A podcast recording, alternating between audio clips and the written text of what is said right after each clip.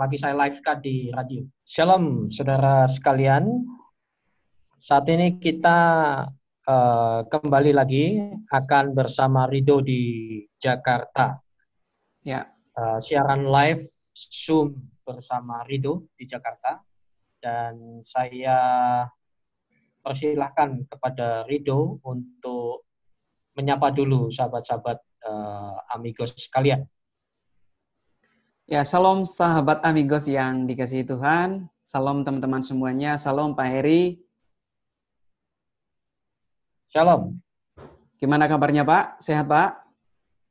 Ya, luar biasa dalam lindungan Tuhan. Puji Tuhan. Ya Pak, uh, hari ini kita akan berbicara tentang new normal. New normal. Baik. New normal ya. Nah, mungkin teman-teman ada yang bertanya, uh, kenapa bicara tentang kondisi new normal. Apa hubungannya dengan gereja?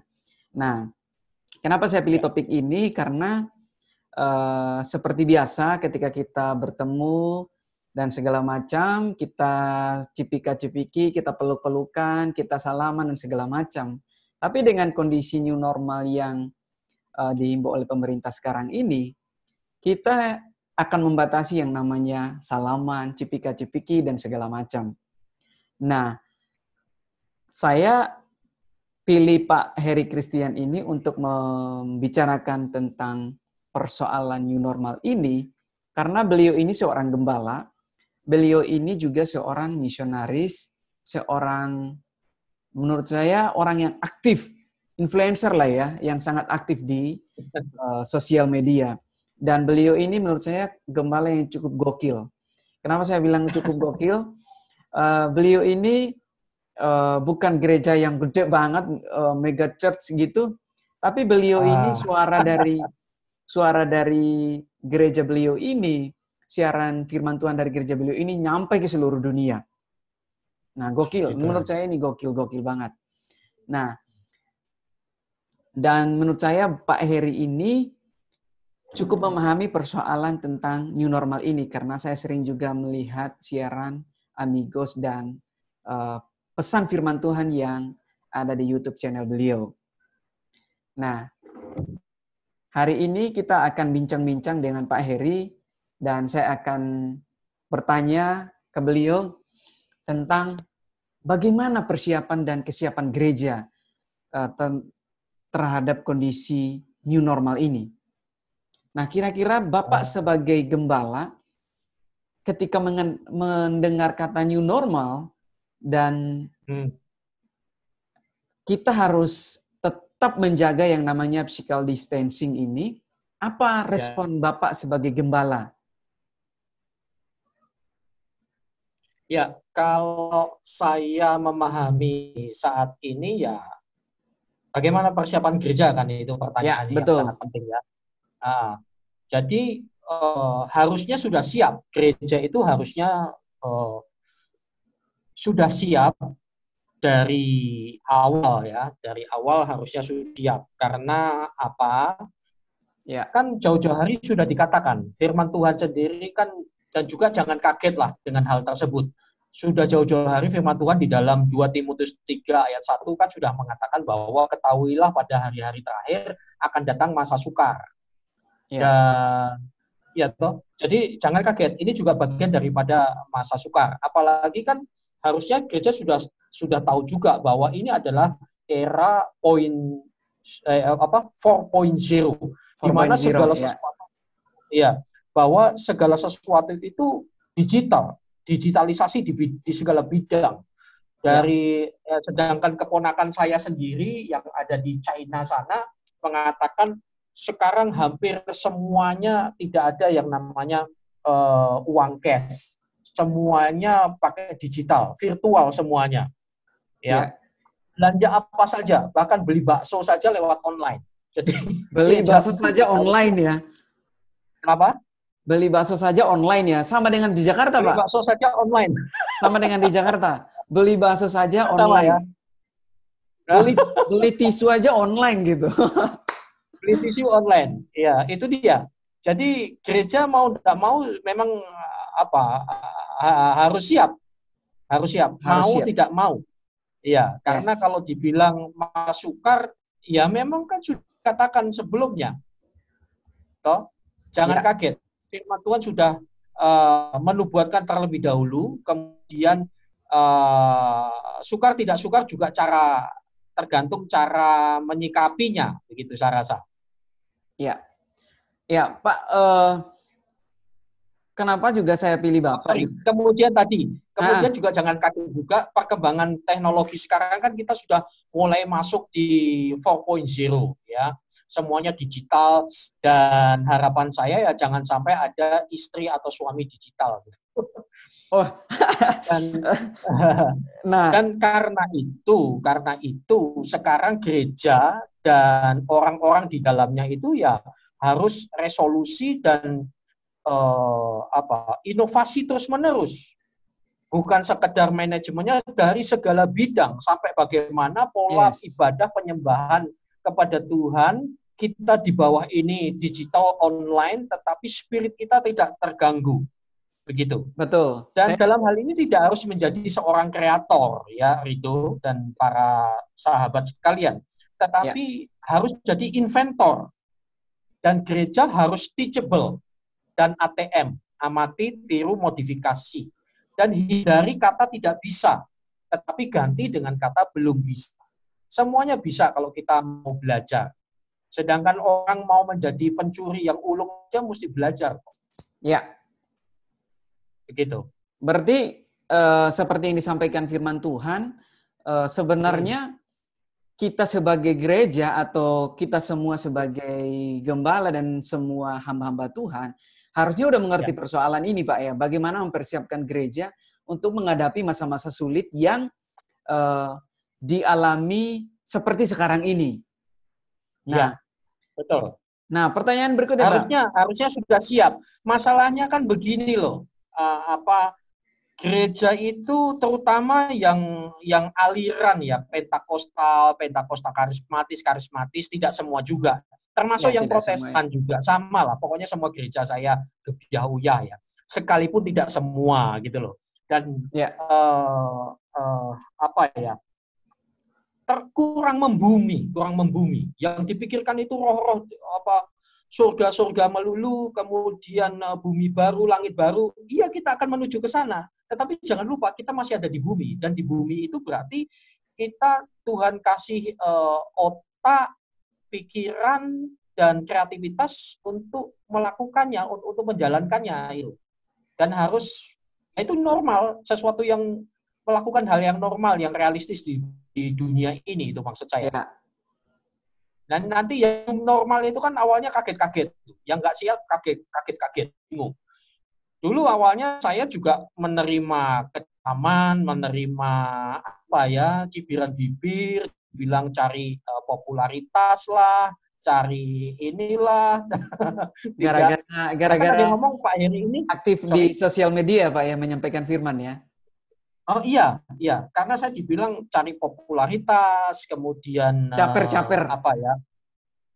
Kenapa?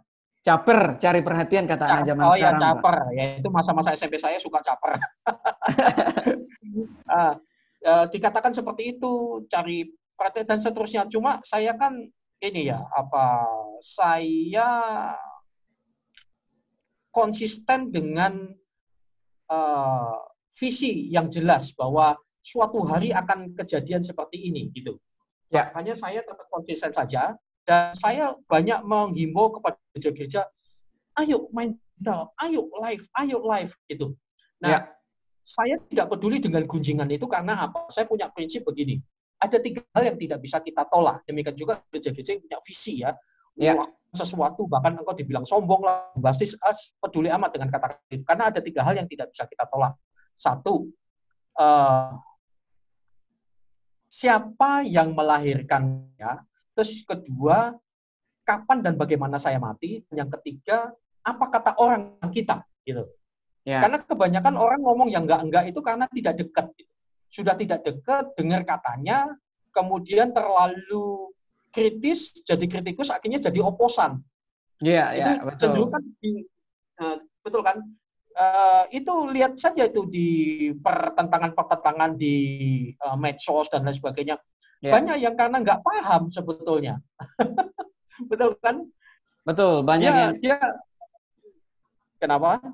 Memang banyak yang yang tidak kenal arus gitu. lah, ikut-ikut arus lah kalau menurut saya. Ya, iya betul, betul. Ikut-ikut arus. Begitu. Lah. Jadi gereja mau tidak mau ya harus siap, harus mau gitu.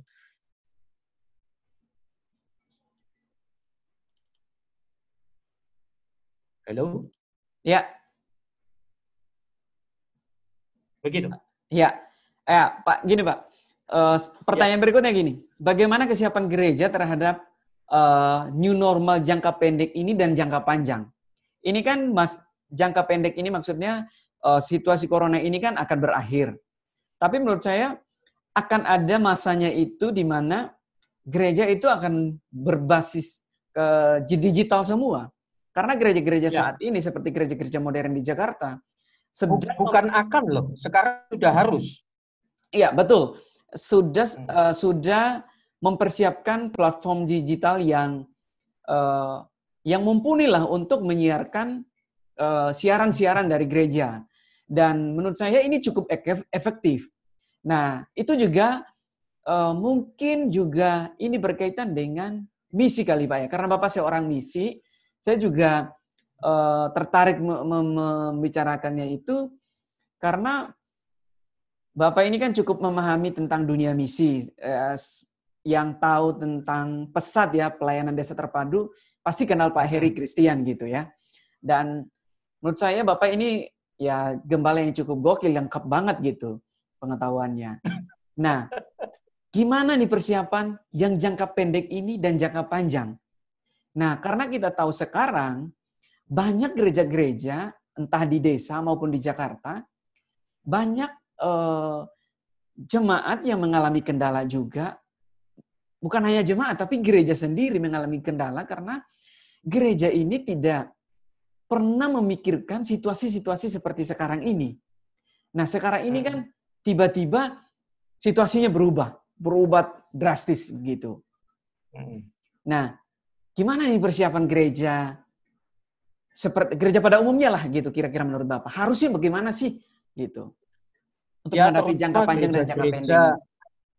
Iya, terutama pertama gini, terutama gereja-gereja yang merasa saya ini gereja kecil, deso, ya nggak ada apa-apa, begitu ya? Ya. Uh, pertama itu saya ingin memotivasi dulu lah kepada rekan-rekan ini. Mari kita belajar dari Musa ya dalam keluaran ayatnya yang kedua. Maksudnya saya Tuhan, Pak ya? Kan saya Musa. Gereja. Pak. Oh iya, Ridho Musa. Ini Musa yang lain. Ya. Kalau Musa yang ini cukup kreatif, sangat kreatif ya. Uh, keluaran 4 ayat 2 mengatakan Tuhan kan waktu itu mengutus Musa. Musa kan banyak alasan. Wah saya ini sopo, aku nggak bisa ngomong, nggak ini, dan seterusnya, seterusnya. Nanti aku dibunuh lah, aku dicincang, dan sebagainya. Tapi Tuhan berkata apa? Ketika di semak ber apa semak ber apa menyala semak itu menyala api gitu ya. Tuhan ya. bertanya begini gitu. Apakah yang ada di tanganmu? Lah jawabannya Musa bingung kan dong apa ini? Cuma tongkat gitu. Ini ya. tongkat Tuhan. Nah tongkat yang diserahkan tuh kepada Tuhan itu dengan tongkat itu ada 10 tulah turun di Mesir dengan tongkat itu laut terberu ter, terbelah. Dengan tongkat itu bisa jadi ular dan makan ularnya penyihir dari uh, apa bangsa Mesir. Bisa nangkap hal tersebut.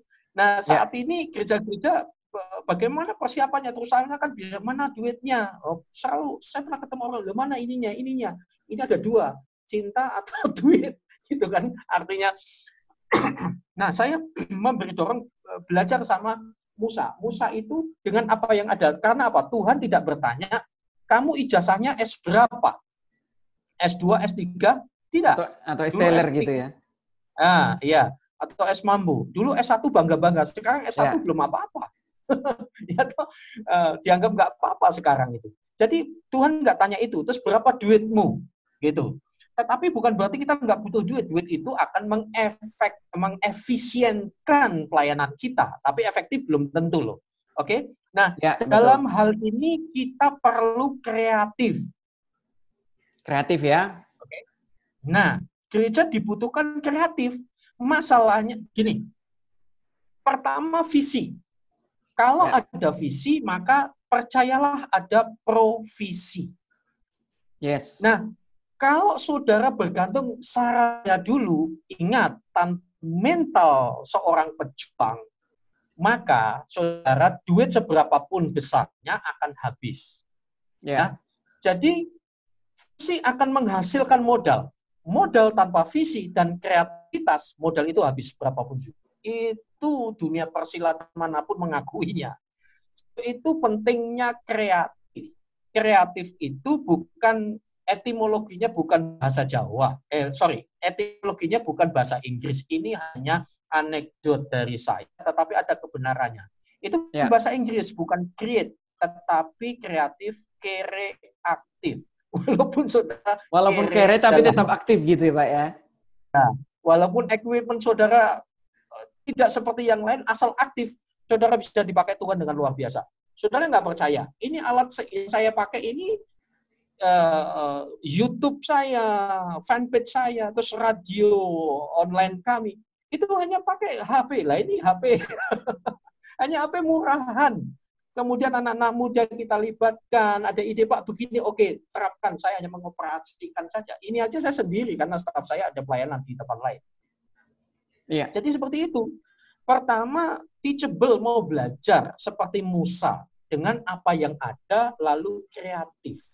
Sekali lagi untuk menjadi seorang kreatif tidak harus menjadi seorang kreator, terutama menjadi inventor sehingga engkau menginovasi apa yang ada.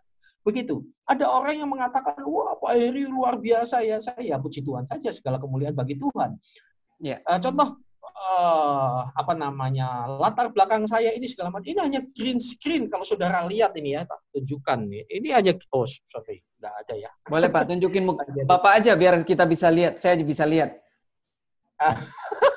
sudah sudah cukup karena ada gangguan ini apa ini saya banyak gangguan karena alat-alat jadul semua Iya. Jadi gereja harus siap dengan kreativitasnya dan mau belajar dan apa yang ada Tuhan suka eh, kita yang menggunakan apa yang ada lalu kita persembahkan kepada Tuhan Tuhan urapi di situ engkau bisa membelah laut teberau. Ya. Jadi kata kuncinya gereja itu bukan harus kaya dulu baru kreatif tapi kreatif dulu baru baru hanya baru... yang mata duitan itu yang kalau uh, apa namanya mesti ada duit dulu. Pertama visi dulu, visi baru provisi. Betul. Dengan apa adanya, nggak usah malu. Saya melayani Tuhan, jemaat saya belum sampai 200, bahkan ibadah juga belum sampai 150, saya enjoy saja. Mungkin orang berkata, wah kapasitas Pak Heri pembicara, di sana sini. Saya santai aja, karena bukan itu kok tujuan mana yang Tuhan percayakan ya sudah. Sekarang saya punya prinsip saya menggembalakan jemaat lokal ya, ya. yang belum seberapa bahkan saya eh, apa lokasi tanah aja belum punya, masih banyak pergumulan. Tetapi ya. saya antusias sekali melayani Tuhan karena apa? Sekarang saya bisa pelayanan penginjilan ke seluruh dunia dengan era digital digital ini. Dulu ketika saya dikecam bukan dikecam ya. Saya orang sini dicari katanya cari popularitas, saya nggak peduli.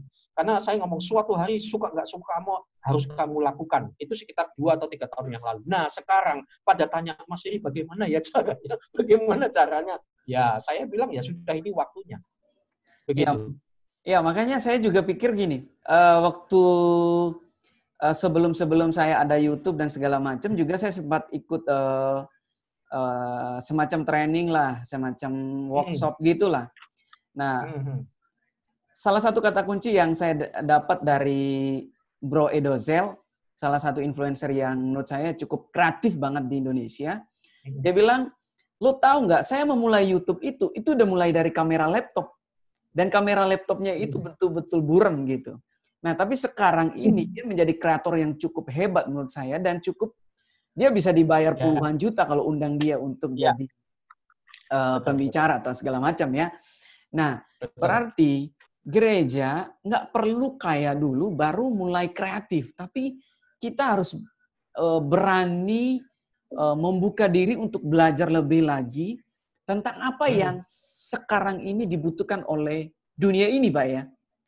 Karena kan Setuju. sekarang kan karena kan sekarang ini uh, orang kadang udah kalau di Jakarta pak ya banyak orang yang Hmm. udah malas ke gereja karena menurut mereka ah uh, gereja gitu-gitu aja tampilan di dalam gereja begitu-begitu aja mending saya nggak usah Hmm. mendingan saya live streaming doang dari rumah gitu nah Hmm. akhirnya banyak orang yang nggak datang ke gereja nah akhirnya hilanglah kontak antar gereja dan jemaat nah menurut Hmm. saya Pak Heri ini cukup kreatif bagaimana menjangkau orang-orang yang tidak bisa datang ke gereja dengan Hmm. siaran-siaran yang bisa mereka dengarkan langsung dan pesan-pesan Ya. firman Tuhan yang cukup menurut saya relevan dengan uh, zaman ini. Nah, Ya. sebenarnya sebenarnya saya mau tanya tadi untuk membuat uh, tayangan atau live streaming dan segala macam, kadang orang berpikir gini, Pak. Aduh, saya belum punya kamera, saya belum punya lighting, saya punya belum punya komputer dan segala macam gitu. Nah, kita mendapat suatu apa ya, mendapat suatu pesan dari Pak Eri dengan alat yang jadul aja, dengan HP aja, yuk bisa bikin suara Hmm. langsung gitu, tanpa lu harus punya lighting yang seperti di studionya TV-TV nasional gitu ya. Ya. Nah, Pak sekarang ini kan eh, gereja-gereja di desa ini kan sangat terbatas gitu. Nah, di kota juga Hmm. banyak gereja gereja-gereja besar betul-betul nggak siap loh Pak dengan kondisi ini. Nah, Jangankan di desa, di kota saja banyak yang nggak siap ya. betul banyak sekali nggak siap di gereja-gereja di di di seluruh dunia lah Hmm. yang nggak siap dengan kondisi seperti ini. Padahal Ya. sebenarnya Firman Tuhan sudah menyampaikan pesan bahwa kita harus siap sedia menghadapi segala sesuatu yang akan Ya. terjadi di masa-masa akhir. Nah, salah Hmm. satu kan kondisi corona ini ini kan me- menggiring kita untuk bagaimana kita kreatif untuk menghadapi masa-masa sulit yang uh, akan Ya. terjadi di masa depan. Bahkan sekarang nih Pak, kita selagi di lagi dibombardir tentang uh, teori konspirasi bahkan gereja akan di dikasih chip dan segala macam. Tapi itu kita uh, nantilah itu kita bicarakan. Nah, berarti dengan kondisi new normal sekarang ini di mana kita harus uh, menjaga physical physical distancing, kita harus menjaga jarak dan segala macam. Sepakat nggak Pak? Kalau kita harus meredefinisi tentang gereja itu, gitu. Tentang gereja, kalau gereja kan yang kita mengerti saat ini kan gereja adalah kumpulan orang-orang yang yang beribadah satu tempat dan segala macam, meng- ada suatu persekutuan uh, di mana orang beribadah bersama-sama lah kurang lebih begitu yang dipahami oleh jemaat awam ya. Nah, artinya sekarang kita harus meredefinisi tentang pengertian gereja itu sendiri karena gereja saat ini tidak akan tidak akan lagi seperti zaman dulu yang akan berkumpul bersama-sama bahkan salah satu teman komsel saya Pak dia bilang begini ketika kita komsel online gitu dia bilang begini saya lagi berpikir nih saat ini untuk nggak ke gereja dulu dia bilang saya mau Hmm. lebih uh, tenang dulu di rumah dan saya kemungkinan akan ikut ibadah online aja deh gitu. Nah Hmm. artinya kita harus meredefinisikan pengertian tentang gereja itu sendiri, Pak. Hmm. Nah kira-kira menurut Bapak gimana?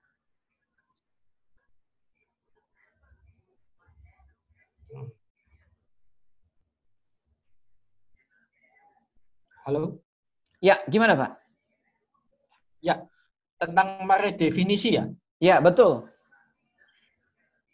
Pertama menghadapi uh, new normal dan sebagainya ini uh, saya apa namanya oh ke, uh, tunggu sorry sorry mengenai re, redefinisi dulu Ya. saya rasa kalau ditinjau dari etimologi gereja gereja dan lain sebagainya ini ini sudah klasik ya, Ya. tidak perlu diredefinisi lagi Ya. arti gerejanya nggak perlu diredefinisi lagi karena gereja itu kan kita malah kita ini sebenarnya dikembalikan Tuhan untuk gaya kisah para rasul kan begitu.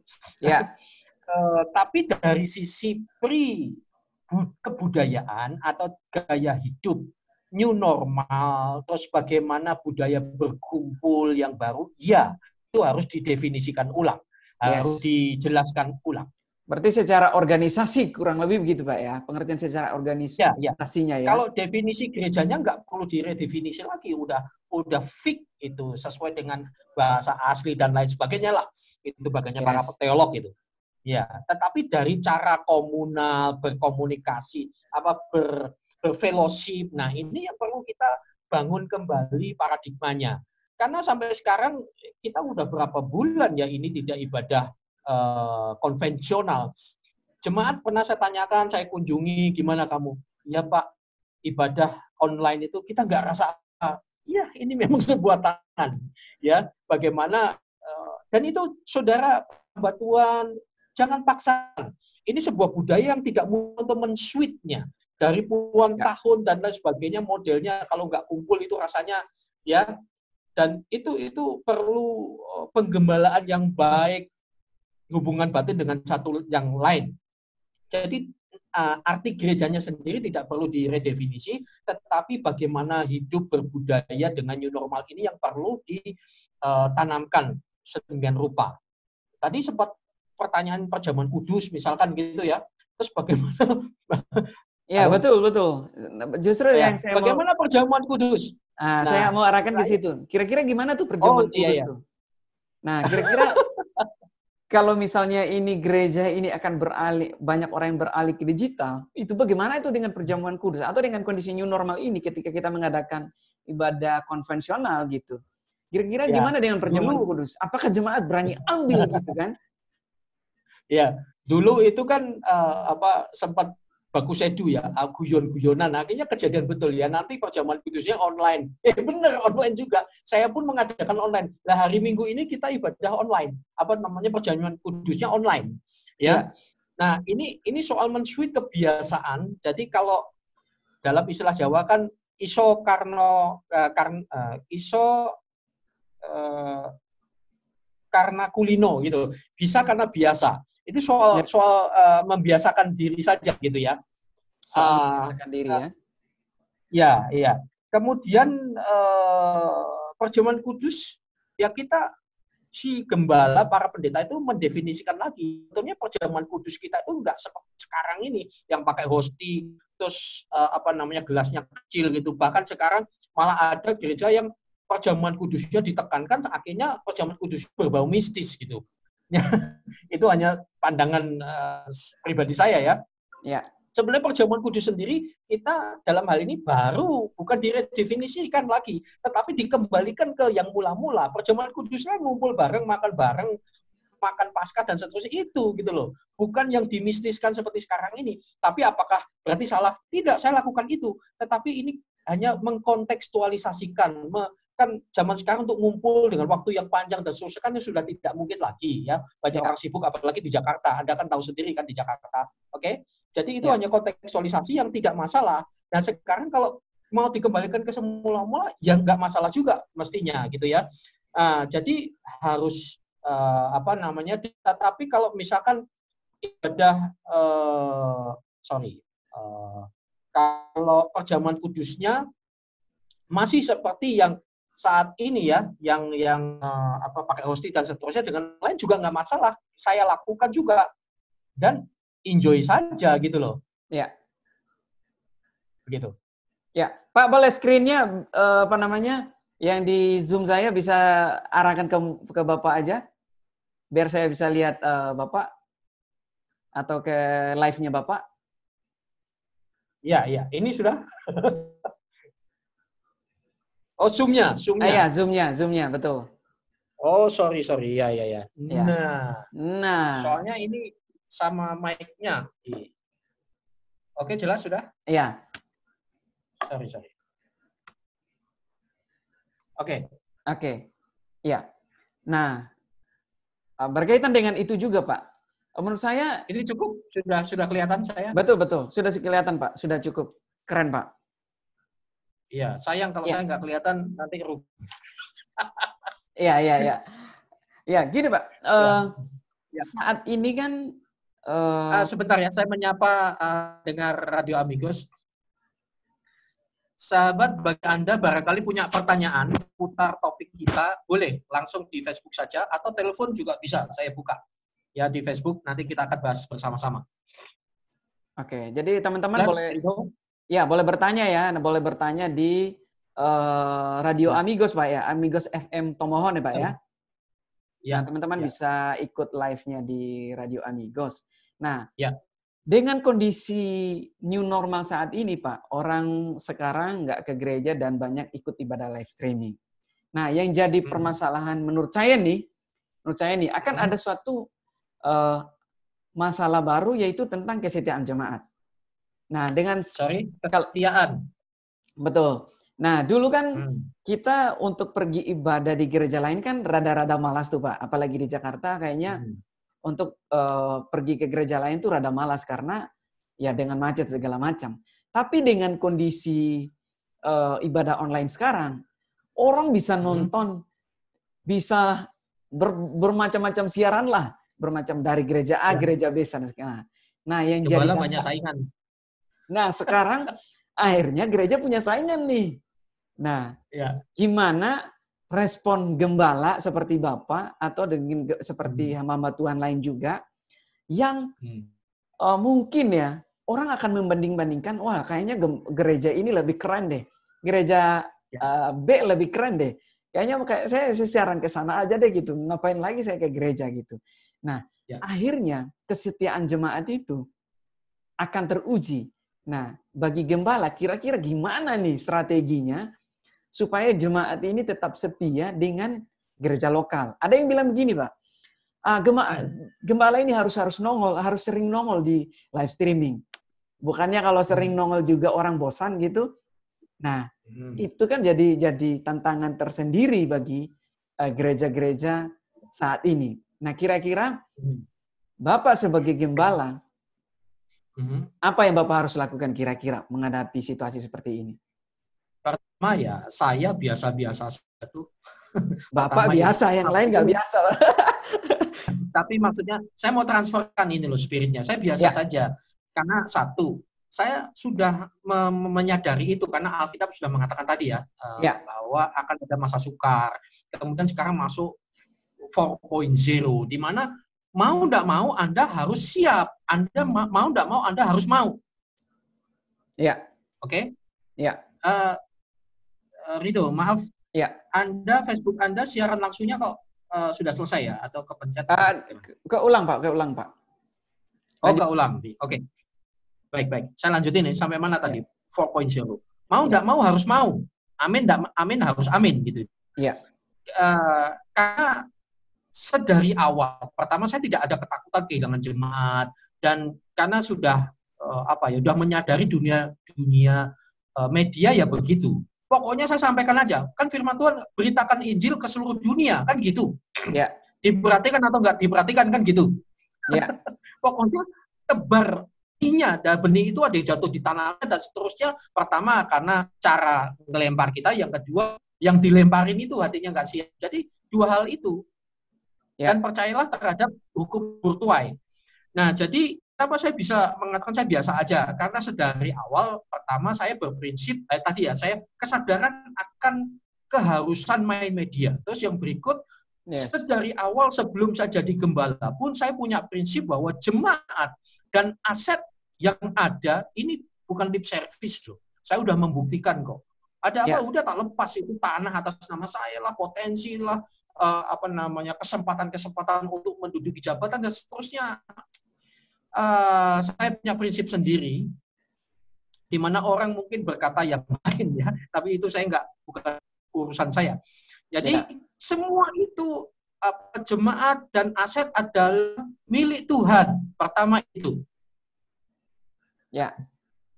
Nah, kemudian menghadapi new normal ya sudah kita bahas ya kreativitas, ATM dengan apa yang ada dan sebagainya. So, itu saya heran, tapi juga memahami kalau ada gembala atau pendeta stres itu karena dua faktor. Ya. Ingat, saudara jangan salah paham dengan saya. Ini bukan sebuah serangan dari provokator, bukan. Tetapi saya ini apa ya hasil penerawangan untuk membangun bersama gitu maksud saya untuk saudara ya, ya. tetap kuat. Jadi istilahnya Bapak bukan menyerang tapi mengajak kita bersama-sama untuk bagaimana kita harus uh, siap menyikapi sedia. dengan tepat. Ya, menyingkapi dengan tepat uh, bagaimana ya, kita menghadapi situasi itu. ke depan. Ya. Ya. Nah, saudara uh, ada dua kemungkinan kalau ada pemimpin gereja bahkan organisasi gereja itu stres dengan keadaan ini, itu saya bisa maklumi. Pertama dari sisi penggembalaan dulu ya. Satu, bisa jadi dia kecewa karena seperti yang ada tadi. Ya. Dia yang yang menggembalakan ini bertahun-tahun. Eh, setelah era digital ini semua dia menyiapkan. Ya itu bisa saya maklumi saya mengalami juga uh, apa ya merasakan maksud saya merasakan tetapi saya enggak main media media begitu. Pokoknya contoh pembaca berita di TV nasional. Ditonton nggak tonton kan dia pokoknya baca aja kan gitu. Padahal yeah, yeah. banyak yang baca banyak yang nonton ya itu. Jadi begini dia kecewa karena dia yang nabur yang bimbing jemaat ini setelah era digital eh begitu khotbahnya dia nggak cocok langsung apa namanya pilih pembicara-pembicara internasional. Sekarang kan gampang kayak kacang goreng tinggal pilih. Kayak rumah Betul. makan itu cari yang pedes yang manis yang apa. langsung swing ya ke siaran lain ya. Iya betul atau ah, supaya menyenangkan gebalanya HP satu nonton siaran langsung apa online-nya yang satu dia nonton hamba Tuhan yang terkenal yang lain gitu loh iya, yang betul, cocok ya. buat dia Betul. Nah, so itu saya mengatakan saya percaya kepada jemaat yang saya ini bahwa ketika online Anda mengikuti jadi miliki kerinduan dengan Tuhan, itu yang saya tanamkan. Online dan online, yang tahu Anda serius atau tidak dengan ibadah online atau offline, terutama online, yang tahu pertama dirimu, Tuhan, dan Facebook. Ya, betul. Gitu. Nah, ya. Kalau gembala, saya dorong, ayo lakukan saja, usah kecewa. Yang kecewa ini karena apa? Dia nabur-nabur-nabur, eh malah milih gereja lain. Ya, saya mengatakan ya kamu yang menabur, mereka yang menuai. Iya. Jadi istilah wajar lah kecewa itu. Istilah tapi saya dorong jangan lama-lama kecewanya. Iya. Mungkin ke istilah kayak anak zaman sekarang itu uh, di istilahnya ditinggal lagi disayang-sayangnya gitu, Pak ya. Iya, begitu. Jadi iya. uh, kecewa tidak apa-apa, tetapi ya jangan lama-lama lah. Kenapa? Kalau dia tidak dengar Anda, ada orang lain yang ribuan bahkan jutaan yang lain bisa dengar. Sekarang online ini kan kalau dia nggak nonton, yang lain nonton ada yang diberkati kok. Jadi percaya itu. Terus yang kedua, eh, menghadapi ini kenapa? Ya mereka apa kelimpungan gitu. Ya karena income turun gitu loh, ketakutan dan seterusnya gitu ya. Eh, ya itu bisa dimaklumi juga Iya, barangkali bisnis di balik pelayanan kan gitu. So itu saya dorong sama bantuan sekalinya jangan bisnis di balik pelayanan, mending kamu bisnis tetapi untuk pelayanan kan gitu. Ya ini pro kontra juga, tapi nggak usah dibahas di situlah ya. ya. Jadi ya, intinya betul. seperti itu. Kalau kecewa, uh, dua hal itu kecewa karena dia yang menabur, yang lain menuai. Kemudian uh, yang kedua uh, dia was-was dan lain sebagainya karena income turun. So itu pentingnya mental mandiri. Tetapi dalam hal ini ya sudah kita kita ini tidak usah ngecam, jangan seperti para hater itu ya. Hal yang ya. tidak penting dimasalahkan, padahal esensinya bukan di situ. Jadi nggak usah dikecam karena uh, kita berpikir uh, seperti Paulus lah. Ya. Kenapa hamba Tuhan yang ini begini tampilannya di ini dan lain sebagainya. Seperti Filipi 1 ayat 18 itu. Tidak ya. mengapa ya. mereka menampilkan pelayanannya sedemikian rupa yang sederhana. Ada yang memang cuma cari muka, cari popularitas, bahkan cari duit. Tetapi tidak mengapa sebab bagaimanapun juga Kristus diberitakan. Ini yang penting. Baik dengan maksud palsu maupun dengan jujur. Yeah. Tentang itu aku bersuka cita dan aku akan tetap bersuka cita. Saya bersuka cita aja. Ada yang cara tampilannya jelek gitu. Tapi saya bilang aduh kasihan. Tapi kalau ada kesempatan ngobrol, kita sharing-sharing. Saya sangat uh, mau terbuka dalam hal itu ya. ya. Kemudian ya. ada juga yang, waduh, bagus sekali. Ya, kenapa kita nggak belajar dari situ? Itu ya. Berarti begitu, Rido? Ya, istilahnya uh, gereja atau gembala ya nggak perlu takut gitu, nggak perlu khawatir jemaat pindah segala macam. Tapi kalau benar-benar, menurut saya gini, kalau benar-benar gembala itu dia memperhatikan uh, jemaatnya dengan baik, menurut saya sebagus-bagusnya gereja lain, dia akan tetap setia di gerejanya gitu. Mungkin eh, ya, mungkin sesekali jadi, dia akan dengar siaran uh, di gereja lain, tapi menurut saya ya. pasti dia akan setia dengan uh, gereja lokalnya karena dia sudah pernah mengalami apa ya pernah makan makanan yang dia butuhkan yang enak dari uh, gereja yang tersebut hmm. tersebut kecuali yang memang orang dasarnya istilahnya orangnya ya suka uh, pindah-pindah gitu ya kutu loncat gitu pak ya, ya. nah berarti uh, gembala nggak boleh jangan baper lah ya kalau jemaatnya uh, ikut siaran lain gitu. Harusnya tetap bersyukur karena kan semua jemaat itu milik Tuhan. Ya, Pak ya? Ya. Ya. Ya, ya itu dua belah pihak yang harus dewasa itu dua belah pihak. So itu saya katakan begini. Uh, termasuk waktu lalu kan rame tentang persepuluhan lah dan seterusnya saya ya. sikap lah, ini tawar dan seterusnya. Jawaban saya begini, saya ingin membangun kesatuan tubuh Kristus. Itu pun ya. diserang para hater dan seterusnya. Tapi ya sudahlah, Anda kan tidak tahu maksud saya. Bahkan ilustrasi yang saya berikan itu malah dibully sebuah rupa. Ini sayang ya. sekali. Ya. Jadi begini, pertama dari para hamba Tuhan yang uh, tugas kita adalah memberitakan Injil. Pertama itu. Oke? Okay? Ya. Deal ya memberitakan Injil, berikan yang sebaik-baiknya sesuai kapasitas yang dan talenta yang Tuhan percayakan kepadamu.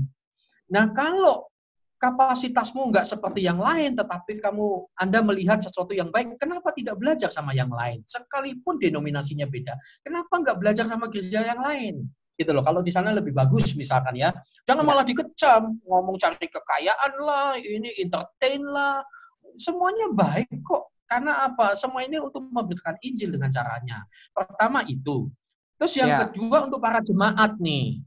Ya. Ya, para jemaat. Seringkali yang kasihan itu gembalanya dan gerejanya karena yang menjadi sasaran tembak pertama sana. Padahal sementara jemaat kurang kurang bisa dan tidak mau dikoreksi. Tidak semua, tidak semua. Ya, tidak lagi ya. semua lah ya, Pak ya. Jadi jemaat, ini gereja apa yang saya katakan ya, ya saudara jangan salah mengerti dengan saya, jadi gereja apa pun, Anda menyatakan diri terdaftar di gereja mana. Nah, kalau Anda ya. di situ, maka Anda harus tunduk patuh kepada ADRT di mana engkau digembalakan di situ. Oke? Okay? Nah, kalau ada gereja lain yang berbeda dan ternyata tidak bisa diterapkan di gerejamu, ya jangan paksakan. Nanti Anda menjadi troublemaker bagi gereja Anda. Kalau gereja lain itu berbeda dan ternyata perbedaan itu tidak bisa diterapkan di gereja Anda, anggaplah itu sebagai pengetahuan tubuh, eh, pengetahuan eh, dinamika tubuh Kristus dan perbedaan warna yang indah. Pelangi itu harus beberapa warna. Kalau satu warna itu warna partai gitu. Ya, kita nggak lagi kampanye ya, kita cuma kasih contoh aja partai ya. Tidak, saya tidak menyebutkan warna. ini partai Amigos. Iya, partai Amigos, partainya Tuhan ini ya. ya paham maksud saya ya? Iya, betul. Uh, jadi seperti itu dua belah pihak. Nah, saya tidak melarang kalau jemaat, oke okay, kamu nonton yang lebih bagus, it's okay, nggak apa-apa. Tapi jangan lupa, Anda di gereja mana? Pertama ada eh, kesepak apa namanya kesepakat uh, sorry sorry komitmen pribadi tapi jangan lupa komitmen bersama ya sorry ada komitmen pribadi dan komitmen bersama ya. komitmen pribadi adalah pertama dengan Tuhan kemudian kepada di mana engkau bergereja oke okay? ya nah bergereja kamu komitmen dengan Tuhan pokoknya kamu bisa belajar yang sehat it's okay di gereja mana pun gitu ya, ya. tetapi anda kan mengikatkan diri komitmen kepada di sebuah gereja mana, maka Anda harus tunduk kepada ADRT di situ. Lalu di dalam ADRT itu ada namanya kesepakatan bersama. Kesepakatan bersamanya apa? Misalkan gereja kami, gereja kami kan kita udah sepakat bahwa ibadah online atau offline adalah hari Minggu, FCC itu hari Minggu jam 9. Ya. Maka prioritaskan dulu di situ. Baru yang lain, oke? Okay? Ya, ya. Nah, Ber itu saya rasa akan bijak Kemudian ya dukung gerejamu terutama yang lagi tertatih-tatih yang pendetanya selama ini uh, kuper jadul terus mau tidak mau harus digital. Tolong dia. Jangan melihat wah ini onlinenya hanya pakai HP biasa begini. Aduh jelek. Anda nonton yang ini deh. Kasihan dukung dulu dia. Ya kalau perlu tingkatkan apa namanya eh, apa kontribusi Anda kalau Anda tidak harus duit loh ini tetapi juga itu juga penting. Tetapi kreativitas Anda, ide-ide Anda berikan. Begitu. Ya, berarti eh, bagi jemaat juga harus mengerti bahwa mereka itu tertanam di gereja apa, di gereja lokal mana gitu ya. Ya, sepanjang gerejamu mengajarkan secara eksegesis, ya, secara alkitabiah, lalu fokus kepada amanat agung, bukan gereja yang tidak uh, menginjil. Kemudian dia uh, apa namanya memuridkan karena Tuhan meminta gereja untuk memuridkan, ya, bukan betul, sekedar memuridkan jadi murid ke sana, kemudian menjadi ciptaan baru itu yang ada artinya. Ya. Berarti kedua bukan hanya gembala yang harus betul-betul mempersiapkan diri ya, mempersiapkan hatinya. Toh kalau saya pindah ke sana fair dong. Saya selalu ini fair dong. Saya lihat itu zaman sekarang itu terhadap hamba Tuhan itu rasa hormatnya banyak yang kurang, tidak semua ya. Ya, Wah, ya. dibully, dibully, bahkan hamba Tuhan yang dipakai Tuhan luar biasa, dicaci maki di ini. Saudara, biar bagaimana mereka ini hamba Tuhan, jangan lupa rasa hormat. Itu. Gara-gara kata ini, saya dibully habis-habisan. Tetapi ya sudahlah, saya belajar untuk menghadapi itu. ya dan saya bisa nerima karena seperti yang saya katakan tadi ya ada tiga hal yang tidak bisa kita terima eh, apa ya. yang tidak bisa kita tolak pertama siapa yang melahirkan saya Terus kedua, kapan dan bagaimana saya mati. Dan yang ketiga, apa kata orang terhadap saya. Yang bisa saya lakukan adalah bagaimana saya menyikapi dan merespon secara bijak. Itu. ya. Ya, betul. Berarti keduanya ini betul-betul harus siap dengan kondisi ke depan. Jangan biarin ya. gembalanya sendiri, pusing sendiri. Uh, urusan dialah gembala gitu. Jemaat harus sadar bahwa ketika melihat uh, gereja itu membutuhkan uh, bantuan, misalnya mungkin jemaatnya agak gaptek dan segala macam. Yuk, berarti kita harus jemaat harus membantu gereja gembala supaya gereja ini juga bertumbuh. Jangan berdiam diri gitu, Pak ya. Ya, dua belah pihak, dua belah pihak. Dan tadi saya sempat mengatakan fair, yang fair dong, gitu ya. Uh, artinya begini, ini Ibrani kan mengatakan ini hormatilah pemimpin-pemimpinmu, tak tunduklah kepada mereka, begitu ya, karena mereka berjaga-jaga atas jiwamu, ya. Sejelek-jeleknya gembalamu dia berdoa untuk anda, sejelek-jeleknya salah-salahnya dia juga juga manusia juga yang makan nasi, tidak makan Alkitab kan begitu. tolong dia, dia juga ya. punya kekurangan. Nah, So itu saya salut sekali, bukan salut ya, saya kagum dengan firman Tuhan. Paulus pun mengatakan gini, e, kamu dibebani bukan supaya orang lain mendapatkan keringanan, tetapi supaya ada keseimbangan. Dan biarlah ya. kelebihan kamu mencukupkan kekurangan mereka, dan kekurangan mereka mencukupkan kelebihan kamu, begitu. Saling Jadi melengkapi soal ya? keseimbangan. Iya, di saling era ini harus saling melengkapi itu bukan hanya soal persembahan secara finansial, tetapi dia uh, kontribusi, ide kreatif, tamu, ayo berikan kepada Tuhan. Kalau kalau kata orang zaman hmm. sekarang itu zamannya bukan zaman lagi uh, hebat-hebat sendiri, tapi zamannya kolaborasi gitu ya. Makanya kalau kita iya, lihat iya. Lihat influencer yang sekarang juga youtuber-youtuber sekarang juga saya lihat begitu pak. Cara kerja mereka ya. sekarang ini mereka lebih ya eh, kolaborasi bagaimana mereka bertumbuh bersama-sama, bukan lagi saling iya. bersaing ya. gitu ya. Tapi ya eh, nggak bisa dipungkiri juga ya, walaupun masih ada orang yang jadul seperti itu ya. Nah, Pak. Ya, ya.